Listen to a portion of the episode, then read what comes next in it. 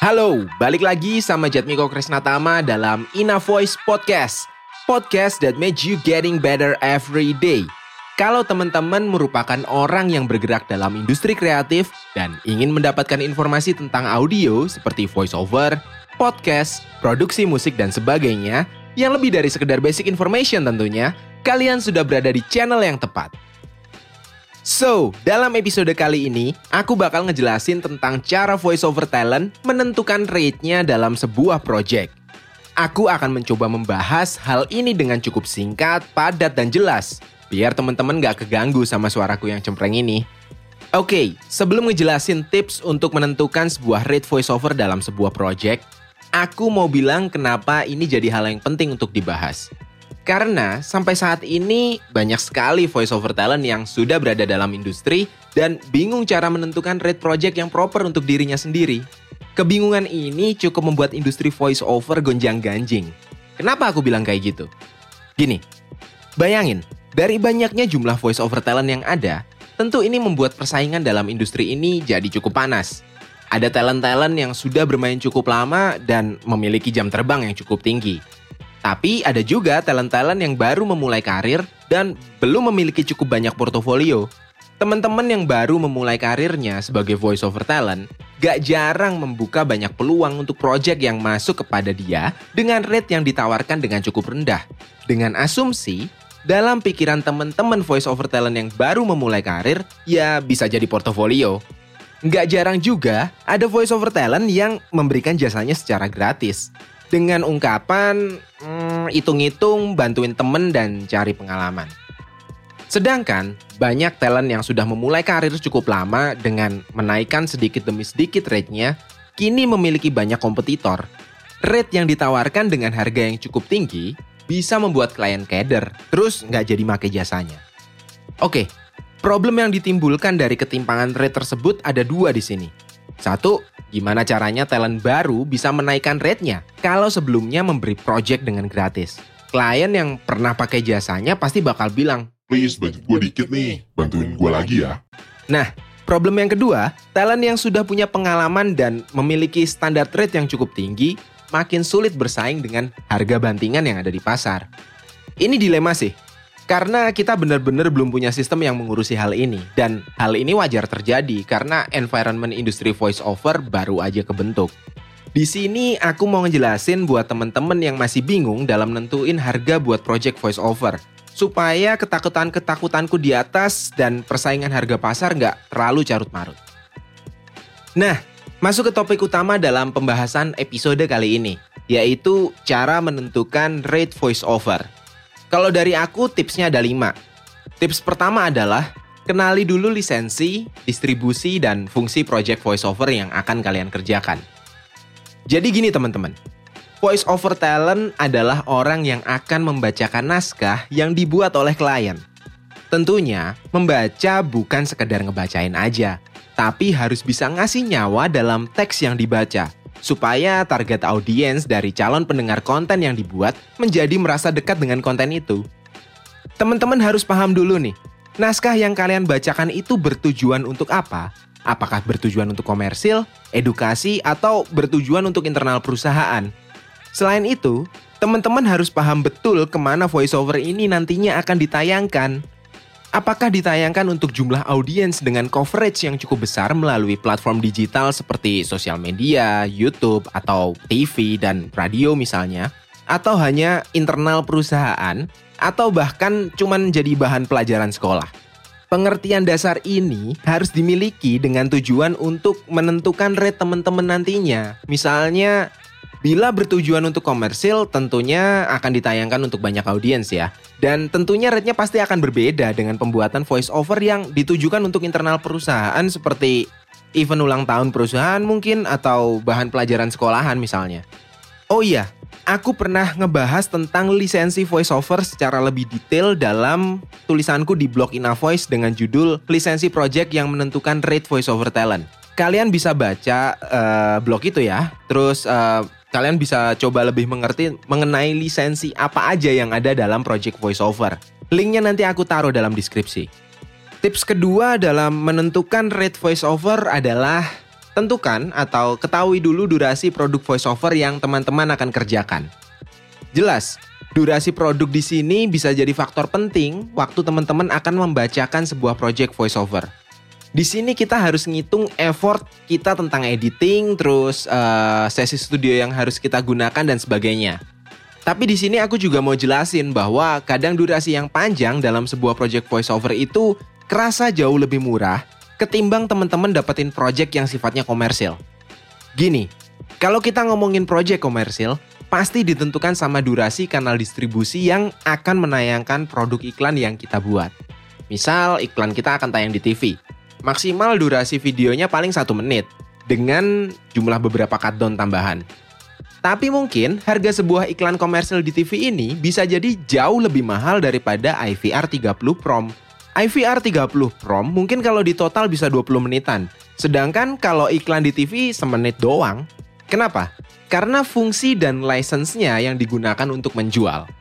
Jadi, durasi harus benar-benar diperhatikan agar teman-teman bisa mengkalkulasi budget yang akan teman-teman keluarkan untuk membuat sebuah project voice over.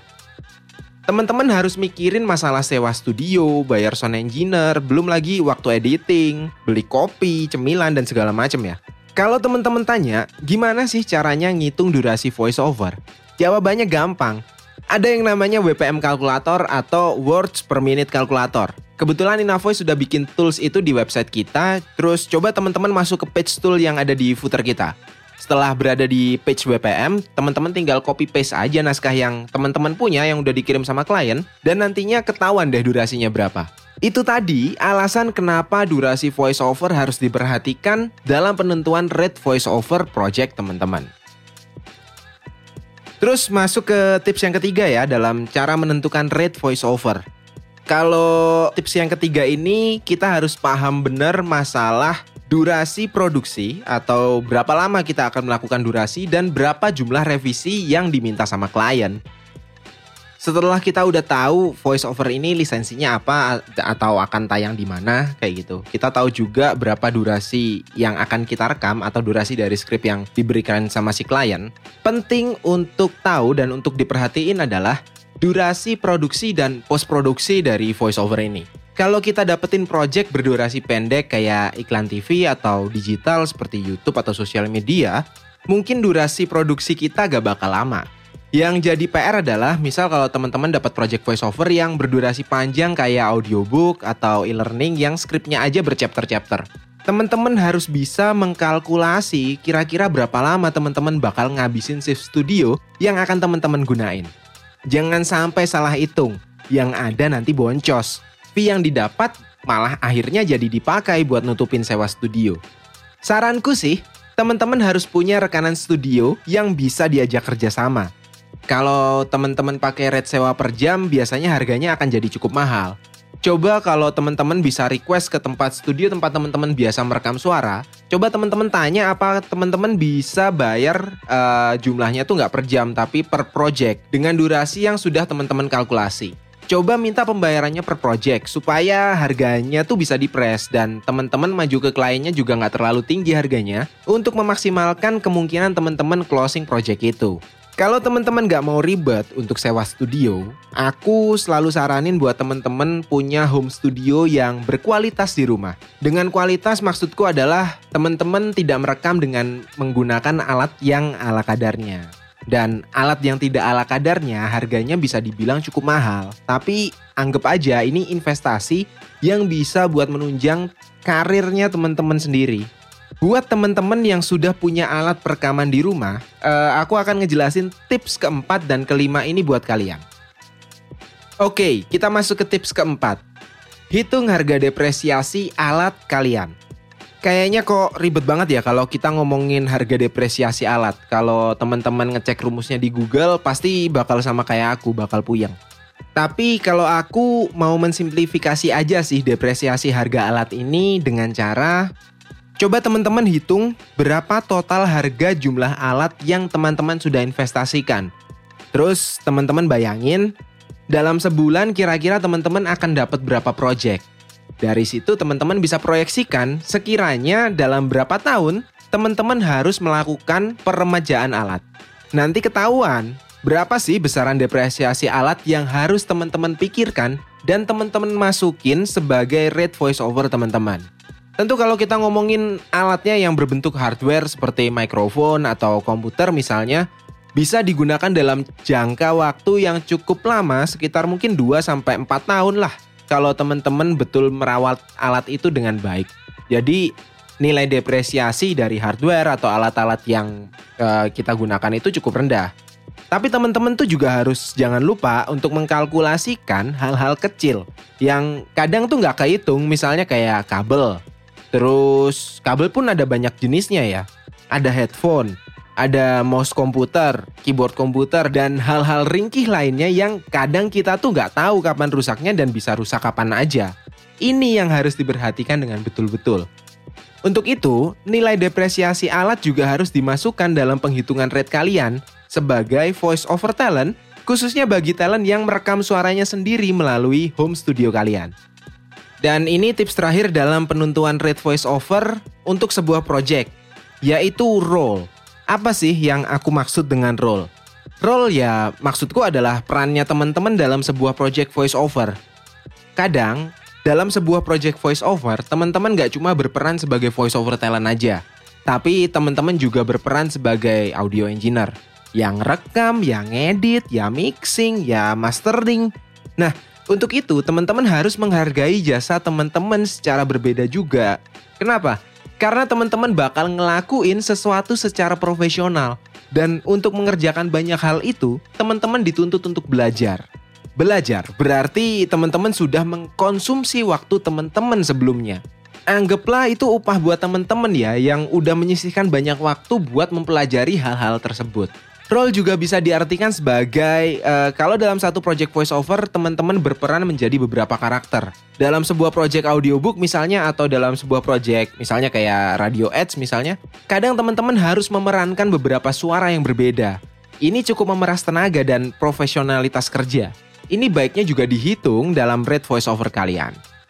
Oke teman-teman, uh, berarti dari aku udah cukup untuk memberikan tips bagaimana cara teman-teman bisa menghitung rate voice over talent dalam sebuah project yang nanti akan masuk ke teman-teman. Dari aku tadi ada 5 tips. Uh, eh, 5 tips itu yang pertama adalah kenali dulu lisensi, distribusi, dan fungsi project voice over yang akan teman-teman kerjakan.